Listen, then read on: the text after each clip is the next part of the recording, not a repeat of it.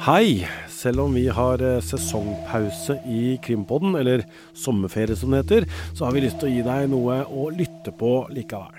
Vi har gått tilbake i arkivet og plukka ut det vi mener er noen av de beste episodene våre, til glede for eh, nye lyttere og til gjenhør for eh, dere som har fulgt oss hele veien. Håper du vil ha oss på øret i sommer, og så høres vi ute i august. Og du, trykk på abonner eller følg i appen der du hører Krimpoden. så får du beskjed når vi er tilbake igjen. God sommer!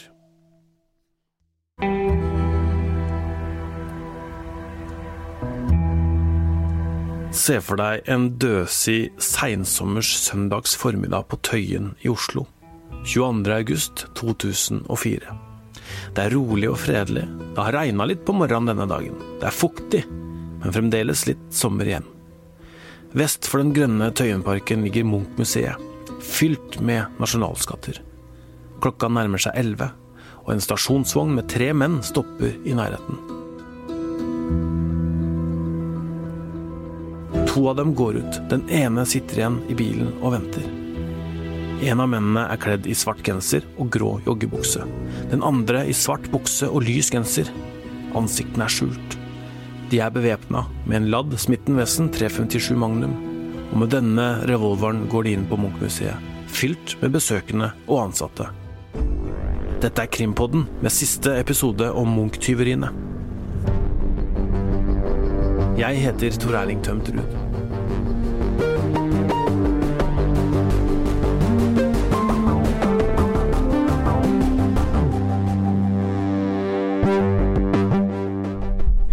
Hei, er du Gry? Ja, Jeg heter Erling. hyggelig. Ja. Du. Har du skrevet deg inn? Det har jeg. Jeg har Ja. fått skilt alt mulig. Så fint. Da er det bare å følge meg. Ja. Ja. Gry Landro jobber som konservator på Munch-museet. Det er en jobb jeg egentlig veit ganske lite om, så det blir spennende å høre mer om hvordan en konservator jobber. Hun har langt, bølgete hår med pannelugg og har på seg en lang, strikka jakke. Hun er imøtekommende og hyggelig. Men hvorfor er vi på besøk her hos Gry? Jo, det har seg nemlig sånn at hun på mange måter har bidratt i en ganske utfordrende redningsaksjon. Så her dere holder til? Det er her vi holder til. Ja, Nederst i bunkersen. ja ikke sant? Og i Bjørvika så kommer vi øverst i Gjør det det? Det blir helt fantastisk. Ja, med store vinduer og Vi er tre stykker som sitter fast her. Tre papirkonservatorer. Og vi har hver våre eh, kontorplasser. Og så har vi altså arbeidsbord her, da, som er ganske store. Fire stykker. hva, hva, Hvorfor har dere det?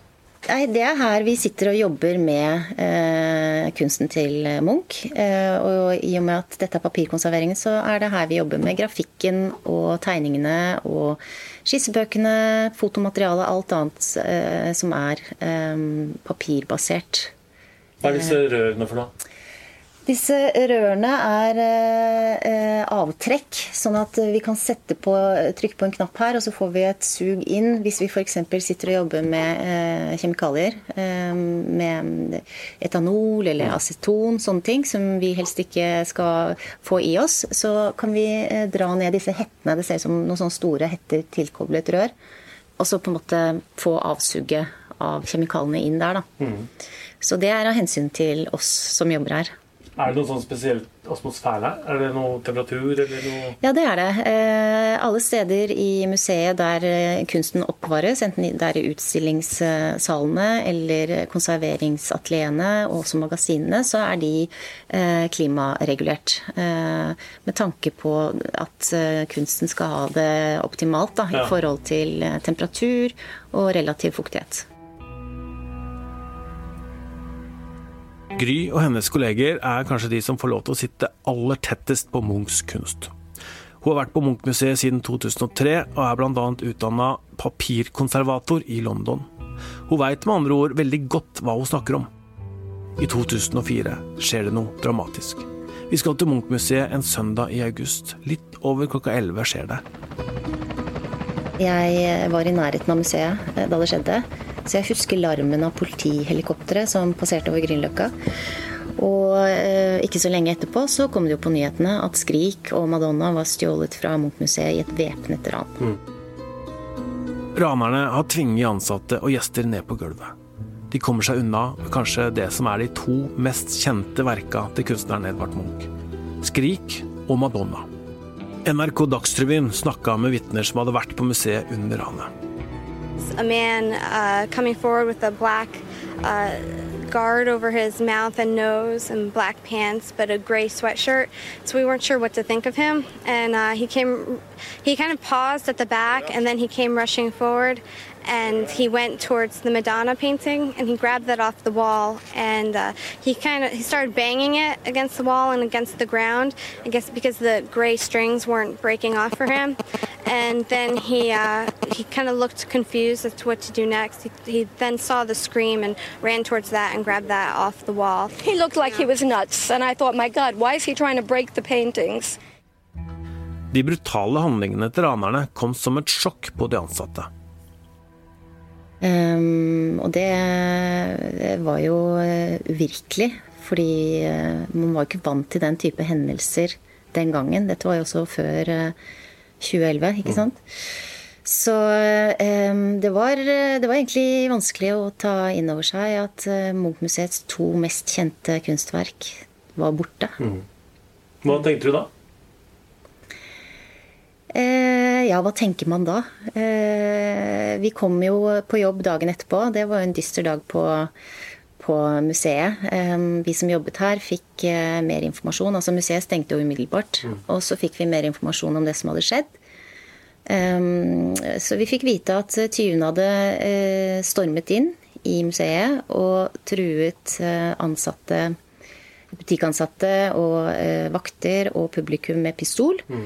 Og så er de borte. Eh, ja. Og hva um, når dere venter, hva, hva, er, hva, hva, tenker dere da mens det er borte? Det er to av de mest uh, verdifulle og kjente bildene som er borte fra museet.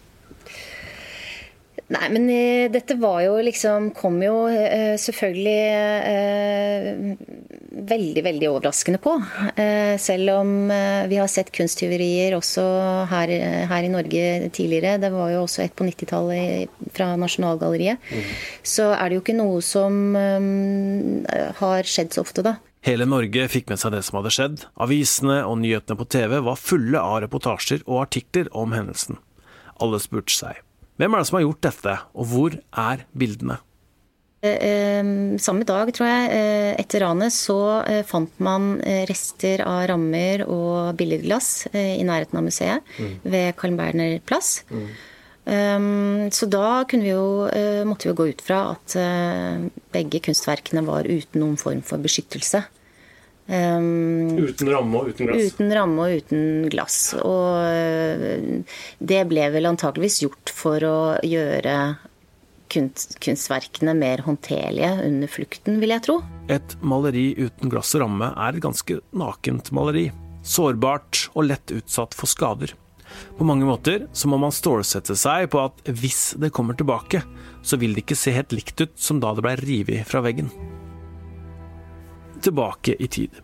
For ranet i 2004 var jo ikke det første som Munchs malerier ble utsatt for. For de av dere som hørte vår første episode om Munch-tyveriene, så er ikke dette nytt. For dere som ikke har hørt denne episoden, så gjør det, da. For det fins mange historier. Det står forbausende lite om han, da. Vi har med oss vår gode kollega Anders Giæver, kommentator i VG og programleder i podkasten Giæver og gjengen. Anders er en klok og lun fyr med mye glimt i øyet.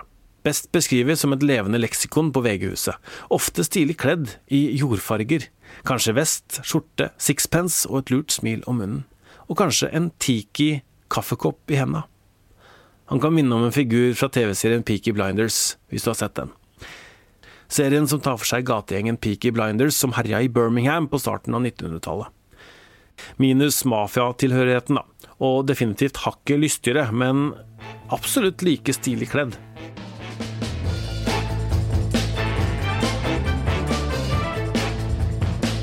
Vi skal tilbake til slutten av 60-tallet, og kunsten til Munch står i fokus. Nei, han, De hadde jo da et eh, veldig omfattende uh, materiale. Munch hadde jo solgt ganske lite selv. Testamentert alt da til uh, Oslo kommune. Uh, det hadde ligget ute på Ekely, det hadde vel da ligget på lager, og de drev og katalogiserte. Og ingen hadde den totale oversikten.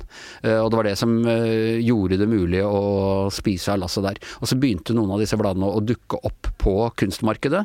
og norske kunsteksperter skjønte at disse måtte komme fra samlingen.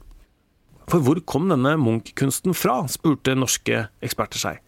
Nettopp fordi Munch ikke hadde solgt så mye sjøl, så var det ikke så mye kunst i omløp. Men det skulle vise seg at det var noen på innsida som ikke hadde helt rent mel i posen. Nei, han hadde vel øh, fri tilgang. Altså, han var jo da en, en kjent person. Han tilhørte den den gang ennå smalere lille kultureliten i landet. Mannen Giæver snakker om var kunsthistoriker, kunstkritiker og oversetter. Han hadde fått jobb som konservator på den gang nye Munch-museet, og et stort ansvar hvilte på hans skuldre. Mannen hadde nemlig ansvaret for at kunsten skulle flyttes fra huset til Munch på Ekely og Vigelandsmuseet til museet på Tøyen. Men det var her det gikk veldig galt. Mistanken om at det mangla grafiske trykk i samlinga, ble styrka i 1967, flere år etter at mannen var blitt ansatt ved museet. En versjon av bildet Vampyr dukka opp hos en annen konservator som ble spurt om å verdivurdere det. Denne personen blei oppmerksom på at bildet hadde Munch-museets stempel. Motivet viser en rødhåra kvinne og en mann som kneler foran henne og bøyer hodet ned i fanget hennes. Kvinnen på sin side ser ut til å bite seg fast i nakken hans, mens håret ligger som et teppe over kroppen hans. Vampyr. Tilbake til den utro tjeneren. Man begynte altså å ane ugler i mosen, og i 1968 skjedde det noe lignende med et annet bilde. Åpenbart har man da retta mistanken mot konservatoren på museet, som tilsto umiddelbart. Først måtte han innrømmes noen få, og så ballet det på seg. Så dette var en kjempestor eh, kulturskandale.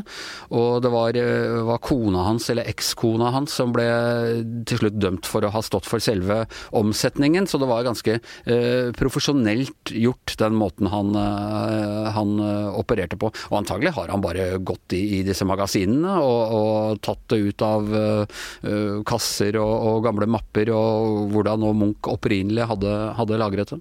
Det førte jo først og fremst til en av 60-70-tallets eh, store kulturskandaler. Man finner ganske lite om saken i Jeg eh, har gått gjennom bøker og sånne ting. Den er lite skrevet om. man følte nok ja, i kunstverdenen at det var en av ens egne som hadde sviktet, og at dette hadde uh, skjær av, av personlig tragedie.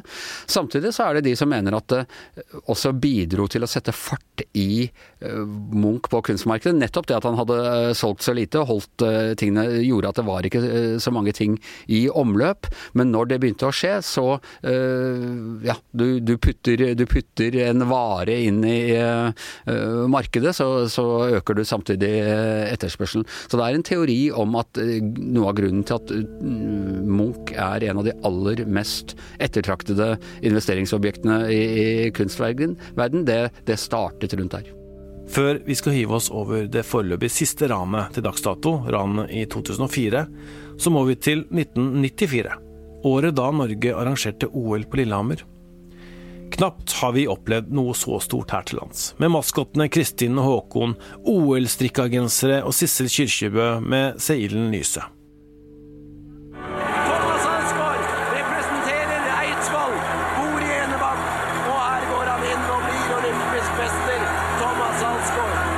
Altså både gull og sølv til Norge på tremila under OL. Thomas Alsgaard vant, som vi så, og det var framfor Bjørn Dæhlie.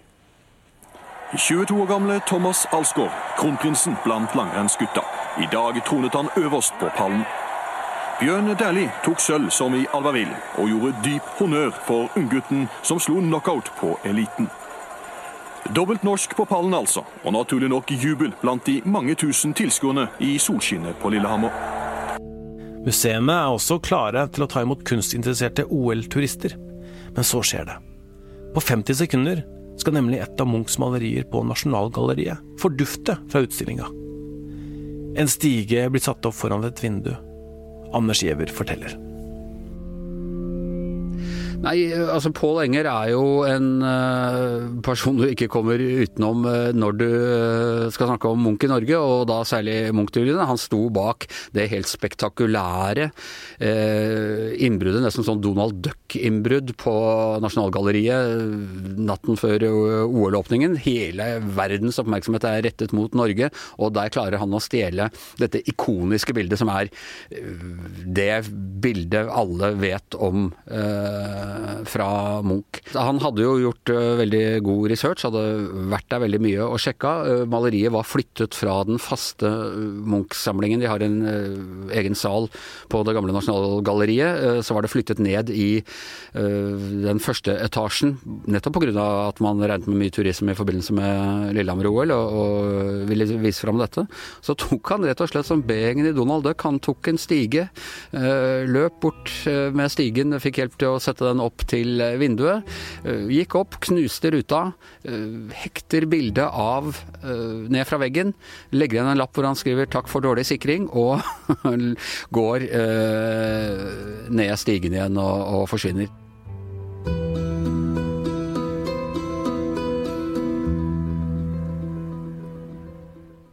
Det blei kunstkrise i Norge.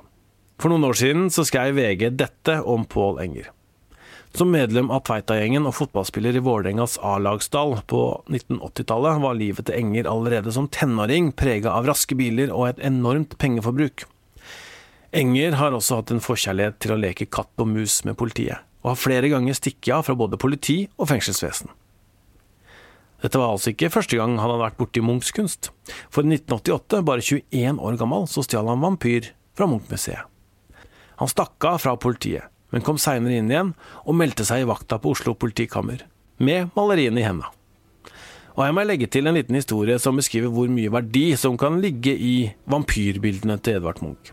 Han malte fire versjoner av vampyr, og en av versjonene ble lagt ut for salg på Sotheby's i New York i 2008. Mange holdt pusten. For hvor mye kan noen være villig til å betale? Man fikk svar nærmere 260 millioner kroner. En nett sum og en ny rekord den gangen. Og ikke nok med det, for salget skjedde også under finanskrisa i 2008, som allerede da hadde påvirka økonomien i USA.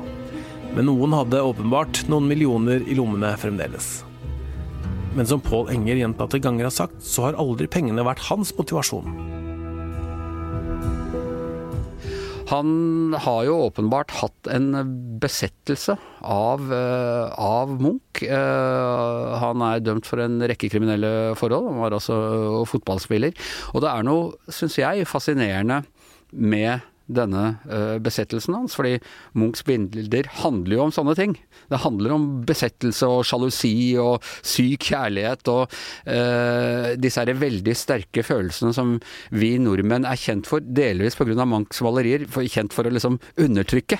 Uh, det er noe veldig unorsk over Paul Engers hva skal jeg si, sånn ekspansive fascinasjon for Munch og hans voldsomme behov for å liksom holde i å ha disse uh, ikoniske maleriene.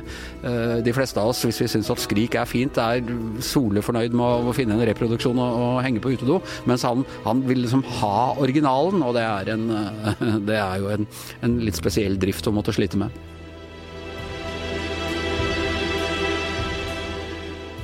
Man skulle tro at sikkerheten rundt bildene var blitt bedre etter dette tyveriet. Men det som var gjort, var ikke nok til å hindre et brutalt ran mange år seinere.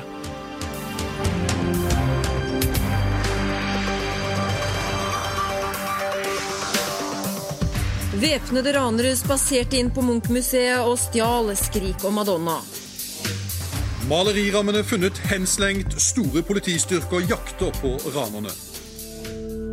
Jeg husker veldig godt at jeg var på en hytte, og så hadde det jo vært Nokas-ranet tidligere på våren, og det hadde vært eh, eh, fokus på det. Og så plutselig så, så, er det breaking news på TV, og, og eh, det har vært ran på Munch-museet. Vi er nå i 2004. To ranere har tatt med seg Skrik og Madonna. Hva var det som egentlig skjedde, og hvem sto bak? VGs krimkommentator Øystein Milli forteller. Vi var jo vant til holdt jeg på å si, på den tida at det var verditransportran. Uh, andre enn det Nokas-ranet, men det var stadig noen sånne sjokkbrekk mot både minibanker og verditransporter. Men, uh, men et kunstran, det var jo noe helt nytt. Uh, så det var jo bare å pakke saken og komme seg hjem og begynne å jobbe, rett og slett. Dette var jo en søndag formiddag, og det var jo stille og rolig på et museum, ikke sant, hvor en Vitner plutselig så en bil komme kjørende opp. Eh, en Audi stasjonsvogn, mørk blå tror jeg den var. Um, og så løper det jo ut uh, to personer fra den bilen og inn i et ganske søndags De var kanskje ikke stille, men det, jo, det er stille i den forstand at folk går og ser på kunst. og Det er en søndag formiddag, og på en måte den stemningen som da er i et i et museum blir jo brutt eh, på et eh, tiendedels sekund. For da kommer jo eh, disse løpende inn. En har jo med seg våpen. og, og og, og, inn da og begynner å røske og rive da i, i noen malerier eh, for å få med seg da det som skulle vise seg å bli eh, Man fikk med seg da 'Skrik' og 'Madonna'. De to ranerne som hadde med seg revolver, trua vaktene og besøkende til å legge seg ned på gulvet. Bildene var beskytta med stålvaier, og var derfor relativt lette å rive ned og ta med seg. De løp ut til den ventende bilen og kjørte fra stedet. På vei mot fluktbilen mista den ene raneren et av maleriene i bakken. På bilder som blei tatt av dem på vei inn i den ventende bilen, så kan man se de store bildene, og det ser ut til at det er vanskelig å bære dem. Alt skjer veldig fort. Det er jo over bare på noen få minutter. Eh, politiet blir jo varsla ganske fort og er jo på vei, men, eh, men, denne bilen er jo borte når politiet mm, kommer. Eh, og vitner har jo da sett hvilken retning den bilen forsvinner. og så blir vel denne bilen, så vidt jeg husker, den står vel av jeg lurer på det var ved Sinsen tennisklubb, hvor denne bilen blir funnet forlatt. Og det var jo da liksom de siste sporet da, den, den søndagen, var jo at denne bilen er forlatt, og at eh, to av eh, kunstskattene, de største kunstskattene i Norge er borte. Det var ikke lenge siden Norge hadde blitt rysta av Nokas-ranet, der en politimann ble skutt og drept. Så nå begynte politi og journalistene som jobba med saken, å nøste i om det kunne være en sammenheng. Nei, Det var jo en hypotese både hos oss som jobba med det som journalister, og hos politifolk, at dette hadde, kunne ha noe med Nokas-ranet å gjøre. Uh, på det tidspunktet så var jo David Toska på flukt fra politiet. Ehm, og, og det pågikk jo en etterforskning og en klappjakt på de Nokas-ranerne som Norge aldri hadde sett maken til. Ehm, man hadde skutt og drept en politimann, og det var en eh, vanvittig vanvittig motivasjon i eh, politistyrken for å eh, ta hver og en Nokas-raner, plukke de inn, få de bak lås og slå, og etter hvert på tiltalebenken. Dette skulle man til bunns i. Eh, det var helt uakseptabelt, det som hadde skjedd i Stavanger. og Man tenkte jo da at dette kunne være et slags forsøk på å skyve etterforskningsressurser og fokus vekk fra det som skjedde i Stavanger. Bildene forblei borte selv om politiet jobba iherdig med å finne dem. Uh, og, og, og, det som også hører med til historien er at Politiet var jo på sporet av disse maleriene på det tidspunktet, men så mista man uh, Man hadde en spaningsoperasjon en gang, og man mista faktisk da uh, Man turte ikke gå tett nok på fordi at man var redd for å avsløre spaningsoperasjonen. Så man var veldig nære faktisk å få tak i de Munch-maleriene på et tidspunkt. så det blir jo Det er jo en sånn avveining, da. Ikke sant? For hvis man da hadde slått til, da, og det viste at den eh, bilen ikke hadde margarine om bord, så hadde jo operasjonen vært eh, ødelagt. Da ville jo vi ha blåst overfor de som satt i bilen at de var på sporet av dem. Men man kunne jo også få fullklaff og på en måte få tak i bildene, så det må ha vært en veldig vanskelig situasjon, tenker jeg. Men, men man valgte jo da å la, la, de fortsette, fordi at man var ikke sikker nok på at margarine var i bilen på det tidspunktet. Men, men, det vi i hvert fall vet, er at på et tidspunkt eh, så ble disse eh, bildene lagra i en, eh, en, buss på en gård i Skedsmo kommune utafor Oslo, like ved Lillestrøm. Jeg var faktisk i den bussen, og da må jeg skynde meg å si at det var ikke mens de maleriene lå der, men i ettertid. Veldig spesiell opplevelse. Altså, det var jo en, en buss som Eh, det er det siste stedet jeg kunne tenke meg at det var oppbevart noen eh, malerier i, i den eh, kategorien. Denne historien preges av en del hemmelighold. Maleriene blei jo stjålet, og var rett og slett søkk vekk. Men så, poff, ut av intet dukka plutselig maleriene opp igjen, to år etter. Disse bildene de var man jo da på jakt etter ganske lenge, og så, og så var det sånn at plutselig så, så dukka det opp igjen. Eh, og det ble jo holdt en pressekonferanse hvor eh, politiet naturlig nok veldig fornøyd kunne fortelle at bildene var kommet til rette. Og da, da var jo allerede spekulasjonene i gang, og de ble i hvert fall ikke noe mindre da etterpå om hvem som hadde vært i besittelse av disse bildene, og hvordan disse bildene hadde kommet til rette. Og det Eh, på et tidspunkt så ble det også utløva dusør, og eh, det har jo vært mange eh, Hva skal vi si? Det har vært mange både påstander, og det har vært mange forklaringer og teorier om, om hvordan disse bildene kom tilbake igjen. Ingen har jo villet bekrefta det. Det hele blei lagt lokk på. Også dusøren som Oslo kommune hadde utlova på fire millioner kroner, blei det ganske stille rundt i offentligheten offentlige myndighetene, kommunen da, som eh, var involvert, og politi og påtalemyndighet, har jo ikke villet si noe om dette. Eh, men så dukka det opp en rettssak eh, så seint som i 2017 i Oslo tingrett. Og der ble den såkalte Sult-saken Der ble Munch-maleriene og hvordan de kom tilbake igjen, et tema. Og da var det en kar som heter, eh, som ble kalt for Onkel Skrue, eh, som heter Imran Saber. Han eh, var i vitneboksen fordi at han hadde blitt forsøkt drept, mente påtalemyndigheten, i et garasjeanlegg, og at det var noen som var ute etter han. Og, og sjøl så var jo da Saber veldig klar på at dette handla om Munch-ranet og Munch-maleriene. Han eh, var, jeg var til stede i retten der, og han var eh, veldig eh, sint, irritert. Og følte, sånn som jeg oppfatta det, at, han hadde, at påtalemyndigheten hadde At det hadde lekka ut. Da, at han hadde hatt en rolle i, i tilbakeføringen av maleriene. Han sa bl.a. at man måtte være en struts hvis man ikke forsto grunnen til at han hadde blitt forsøkt drept og pekte da på at han hadde levert 'Skrik om Madonna' for dusør. Og han sa også at dette visste statsadvokaten veldig godt. Og han var frustrert, eh, sånn som jeg husker det, over at ikke dette ville eh, bli eh, bekrefta.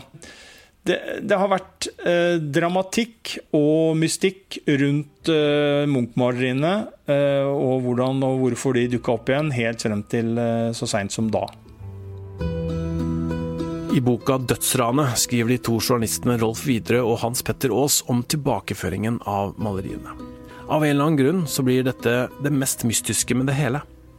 I boka står det at det var David Toskas egen advokat, Øystein Storvik, som kom kjørende med dem til politiet i bilen sin 31.8.2006. Da maleriene var flytta fra Storviks bil og inn i en bil fra beredskapstroppen, så blei kunstskattene frakta til politihuset på Grønland. Maleriene var kommet til rette, skriver forfatterne. Tilbakeføringen skal være bekrefta fra fire forskjellige uavhengige kilder i det kriminelle miljøet. Her blir det også skrevet at det skal ha vært denne onkel Skrue som leverte dem til advokaten. David Toska har nekta for å ha noe med Munch-ranet å gjøre. Vi er tilbake hos Gry Landro, som er konservator og som jobba tett på Munchs kunst.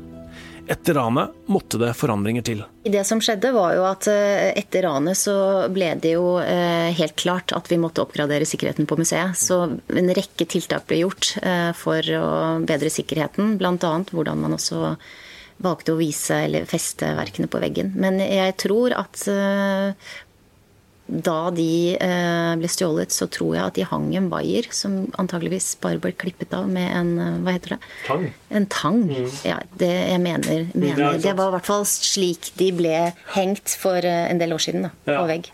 Og da hadde jo politietterforskningene pågått like lenge. Um, og i tillegg, kort tid før de kom tilbake, så hadde det vært hemmelige forhandlinger med mellommenn uh, for å få dem uh, tilbake til museet.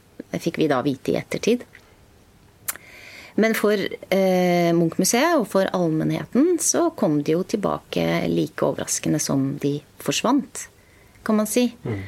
Eh, så jeg husker at eh, museet ble informert om at de var kommet til rette, og samme dag eh, så sto politiet med kunstverkene på, på døra. Og da ble de tatt eh, i, brakt til Malerimagasinet, hvor vi fikk komme og se hvilken forfatning de var i. Mm. Fortell, hvordan var det? Nei, det var jo kjempespesielt. Det hadde jeg jo jeg har aldri opplevd noe lignende, selvfølgelig. Så eh, det var Det var eh, veldig emosjonelt.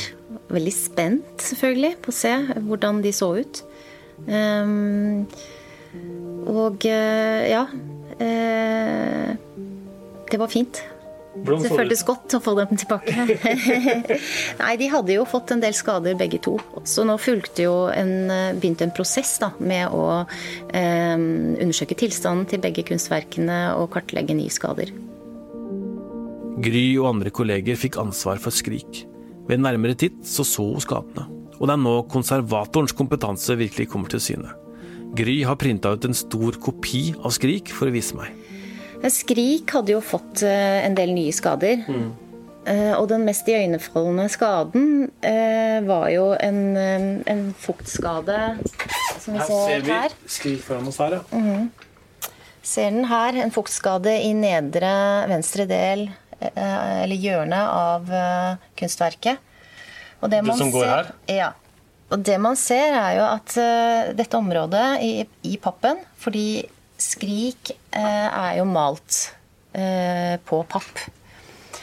Dette området i pappen har lysnet, og så avgrenses den fuktskaden med en mørkebrun skjoldrand som går diagonalt i hjørnet av bildet, da, et stykke inn i bildet. Det ser ut som hvis du tenker deg en sånn Hvis du tenker deg et kaffefilter, da. Mm. Og det er som på en måte kaffen har trukket inn i kaffefilteret. Ja. Sånn ser den randen ut. Sånn litt. ser den litt ut, ja. ja. Jeg er helt enig. Den gjør det. Hvorfor blei det malt på papp, egentlig? Hva skjedde med det gode, gamle lerretet? Papp har jo vært brukt også tradisjonelt, men kanskje ikke i den kombinasjonen med den teknikken, kan du si. Eh, det har vært brukt eh, særlig på slutten av 1800-tallet av en rekke kunstnere fordi at eh, til frilufts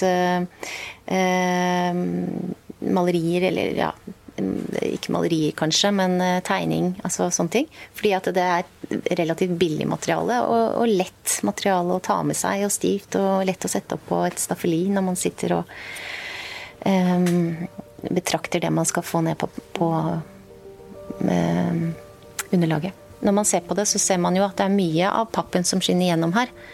Ikke? Som, som er uh, ubemalt. Så han har kanskje også brukt det bevisst som et uh, kunstnerisk grep, da. Vi må tilbake til skadene. Og så hadde også kunstverket fått en del riper Eh, og skraper i overflaten, som vi kan se her i eh, skrikfiguren. Både sentralt i skrikfiguren og litt på, på høyre og venstre side. Um, og ved nærmere undersøkelse av disse, så, så Disse ripene, så så vi som nevnt da, bitte små glassfragmenter som da antageligvis var Altså disse skadene oppsto da tyvene knuste glasset. Mm. Og så var det en del skader også langs kantene. Eh, bulker eh, og ja, eh, riper. Mm. Men når dette er da malt på papp, er det sånn at man kan rulle det sammen da, eller, må man, eller er det stivt? Papp er jo stivt. Eh, den pappen her er vel Jeg husker ikke om det er tre eller fem eh, millimeter, så den kan ikke rulles. Hvordan tror du disse skadene kom på bildet, da? Altså, eh, Ripene har vi jo snakket litt om nå. De er antageligvis forårsaket da de knuste glasset. Mens fuktskaden, det, den har antageligvis oppstått Vi vet ikke dette sikkert, men det er ikke usannsynlig i hvert fall at den har oppstått da Skrik var gjemt bort innpakket i et teppe, så vidt vi har fått høre, i denne bussen på Skedsmo eh, i løpet av noen måneder. Så man kan tenke seg at både regn og vann har lekket inn i bussen. Og det var jo egentlig gode ny nyheter for oss, fordi vann er ikke skadelig eh, for materialene i eh, kunstverket på samme måte som en f.eks. etsende væske kunne vært. da. Mm. Hvordan starter man da denne veldig møysommelige redningsaksjonen? Når vannet har trukket inn i pappen, antageligvis fra sidene, så har det på en måte vasket ut eh, en eh, misfarging som var i pappen fra før av. Og vasket det med seg, og så etter hvert som eh, vannet har ført misfarging i pappen oppover, så har pappen blitt lysere. Men der hvor vannet har tørket opp til slutt, der har misfargen avsatt seg som en mer sånn konsentrert brun skjoldrand. Mm. Eh, og det er, ikke, det er, ikke, noe som man kan gjøre for å tilbakeføre den tapte fargen i den, det lysere området av pappen. Eh, men vi så på mulighetene for å forsøke å fjerne eller redusere den brune skjoldranden. For å jevne ut på en måte kontrasten mellom skadet og ikke skadet område.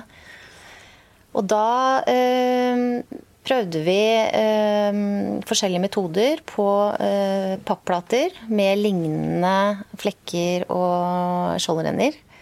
Eh, men måtte konkludere med at det ble for risikabelt, fordi det var så vanskelig å kontrollere eh, behandlingsmetoden. Det vi så, var at det oppstår lett nye skjolder. Og det mm. var ikke noe vi kunne selvfølgelig eh, da tar sjansen på å gjøre på på Skrik. Så um, når man ser Skrik i dag på utstilling, så uh, ser man jo fuktskaden. En, den, med den lysningen i pappen og den brune skjoldranden. Det er noe som vi ikke har behandlet. Så det er der fortsatt? Det er der fortsatt. En del av historien, det òg? Ja, det er jo det. Ja. Mm. Så tenker jeg kanskje at man bare kunne malt over disse skadene. Men der ble jeg raskt stoppa av Gry. Eh, ja. Hmm. Men eh, dette prinsippet om at man skal gjøre minst mulig, og også ikke gjøre eh, Tilføre originalmaterialet andre materialer som man ikke eventuelt kan få fjerna i ettertid, det er et viktig prinsipp i konservering. Det var store forventninger til hvordan konservatorene skulle greie å fikse Skrik til sitt opprinnelige utseende. Så det lå et visst press på den som jobba med det, altså. Det merka også Gry. Skrik er jo utvilsomt Munchs mest kjente eh, kunstverk. Det som de fleste kjenner til eh, av, av, hans eh, Alle hans eh, flotte bilder. Og det har jo nærmest fått en ikonisk status. Så det lå Altså vi, vi, som skulle konservere det etter ranet, opplevde nok, i hvert fall litt i begynnelsen, at det lå en slags uh, forventning der utenifra om at vi skulle uh, konservere det tilbake til sånn som det så ut opprinnelig, før ranet. Um, og det var jo spesielt, da, å, å jobbe med noe som hadde så allmenn stor allmenn interesse, også stor interesse fra media. Mm. Hvorfor, eh, hvorfor, er hele verden så opptatt av det bildet her, tror du? Jeg tror eh, det har jo en tiltrekningskraft fordi det uttrykker noe universelt. Eh, noe som alle kan kjenne seg igjen i og relatere til. Som på tvers av alder, kjønn og kultur. Eh, og bildet tematiserer jo eh, eh, angst, utenforskap. det har en sånn tvetydig stemning med seg. og naturens krefter som er gjenkjennelige for alle. Samtidig som det også har bevart noe mystisk ved seg. Det tok to år til før maleriene igjen ble stilt ut for folk flest. Jeg tenker jo at eh, det, er vel ganske sånn iboende i oss. At det som er kjent og kjært, det ønsker man at skal forbli seende sånn ut. Eh, men eh, jeg tror ikke at de som ser det, lar seg påvirke av skadene i særlig grad. Men kanskje hvis de ser dem, at det tilfører kunstverket en kuriøs historie, da. Nå skal kunsten til Edvard Munch atter en gang få et nytt hjem. Det nye 13 etasjers høye Munch-museet er plassert i Bjørvika i Oslo. og nå er jeg i eh, Bjørvika. Bygningen ser ut som en svær koloss, og det er øverste delen som da lener seg ut mot operahuset. Så da kan vi håpe at det blir en uh, ugjennomtrengelig festning med et veldig godt alarmsystem. Produsent for Krimpodden er Vilde Worren. Programleder er meg, Tor Erling Tømt Ruud. Synne Solbakken har bidratt. Musikken er laga av Ronny Furuvik. Teknisk ansvarlig Magne Antonsen. Send oss gjerne spørsmål og innspill på krimpodden at vg.no, eller sjekk ut Facebook-gruppa vår. De er klar med en ny episode neste uke.